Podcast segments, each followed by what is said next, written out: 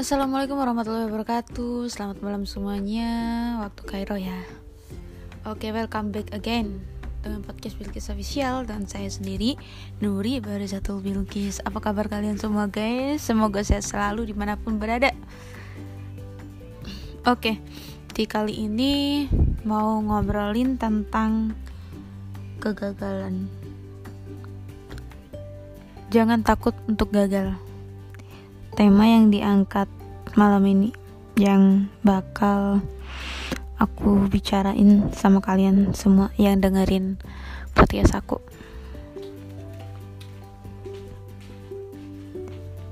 Jadi nggak selamanya sebuah kendaraan bisa terus melesat gitu kan dengan cepat. Ada kalanya harus berhenti untuk istirahatin mesinnya dulu atau mungkin berhenti untuk ngisi bahan bakar atau si pengemudi yang berhenti sejenak gitu kan berhenti bentar untuk menentukan rute selanjutnya. So ada banyak alasan sesuatu yang berjalan itu berhenti sejenak. Ada juga sebuah analogi tentang anak panah. Bahwa sebuah anak panah gitu kan hanya akan dapat melesat kencang dengan ditarik keras ke belakang. Dia nggak hanya berhenti sejenak gitu kan dari perjalanan seperti kendaraan yang uh, aku sebutin tadi, tapi malah mundur. Namun setelah mundur, apa yang terjadi? Dia malah melesat dengan kencang anak panahnya itu tadi. Nah, itu mungkin uh, sebuah gambaran tentang arti kegagalan. Banyak di antara kita yang seperjuangan seperjalanan dan kerja keras kita berhenti karena nggak sesuai dengan apa yang diharapin sebelumnya. Apa bahasanya? Nggak sesuai ekspektasi. Atau nggak hanya berhenti ada yang mengalami kemunduran total bahkan. Setelah mendapati keadaan yang jauh lebih buruk dari sebelum-sebelumnya. Aku tanya ya setiap manusia punya pengalaman yang berbeda-beda tentang apa? Tentang kegagalan dalam hidupnya. Kayak gagal lulus kuliah, gagal mengikuti wawancara, terus gagal didik anak, gagal nikah, dan rentetan kegagalan yang selalu berhasil menarik luka di dalam jiwa. Memang, bagi sebagian orang, Kegagalan berarti akhir dari segalanya. Namun, bagi orang yang sukses, orang-orang yang sukses, kegagalan adalah awal atau langkah baru menuju keberhasilan. Success is going from failure to failure without losing enthusiasm. Jadi, sukses itu berarti bergerak dari kegagalan. Demi kegagalan tanpa kehilangan semangat. Itu kata Winston Churchill.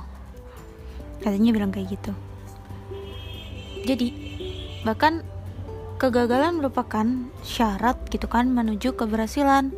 Karena pintu kesuksesan baru bisa diraih setelah melalui serangkaian kegagalan. Sebagaimana yang pernah bilang Soichiro Honda. Kalian pasti kenal ya Soichiro Honda itu siapa.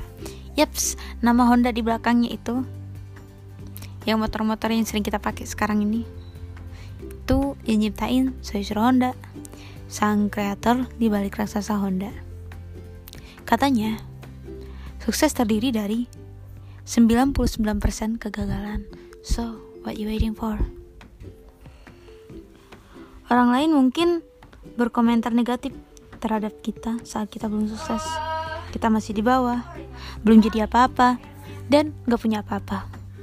Akan tapi saat kita meraih kesuksesan, mereka hanya bisa bertepuk tangan. Oleh karena itu, saat kita telah mengambil keputusan, gitu kan, untuk menekuni yang namanya suatu bidang yang kita minati, yang kita suka, yang kita di sana itu mampu. Aku bilang, teruskanlah sampai selesai. Jangan berhenti di jalan. Seberat apa pun sepahit apa pun kegagalan itu datang ke kamu. Selama kita yakin dengan pilihan kita, teruskan. Oke, berhenti di tengah jalan dan kembali ke belakang itu artinya sama aja dengan jambut cemohan orang-orang yang tadinya ngerendahin kita. Kalau kita berhenti, mereka akan semakin mencemooh kita, ngejek kita. Karena itu, apa pun yang terjadi, maju terus. Biarlah cemohan, ejekan, makian ada di belakang kita. So, lagi pula mengembangkan potensi, minat, dan bakat memang mengandung risiko. Tapi bukankah itu pilihan kita? Memang kan? Setiap pilihan selalu dihadapkan dengan tantangan. Tantangan yang ada di depannya. Kemudian misal kita ngalamin yang namanya kegagalan atau kesalahan apalagi baru sekali jangan lantas mundur. Melalui kesalahan atau kegagalan itulah kita terus belajar untuk memperbaiki untuk meraih hasil yang jauh lebih baik. Kayak gitu teman-teman.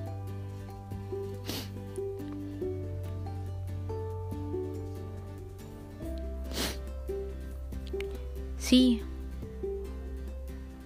pembasket terkenal misal Jordan dia tuh pernah tahu dikeluarkan dari timnya tim basket sekolah. Namun itu nggak menghentikan dia gitu untuk terus bermain sama basket. Dia pernah bilang aku pernah loh meleset lebih dari 9000 tembakan dalam karir aku. Aku pernah loh kalah dalam hampir 300 permainan. Aku pernah gagal lagi, lagi, lagi dan lagi dalam hidup aku. Itu katanya Michelle Jordan. Dan karena itulah aku sukses. Jadi kegagalan itu nempuh kita jadi tahu resiko ke depannya bisa memperkirakan dan bukan kegagalan itu menjadikan kita jatuh enggak Si menyerah dan putus asa itulah kunci kegagalan yang sebenarnya.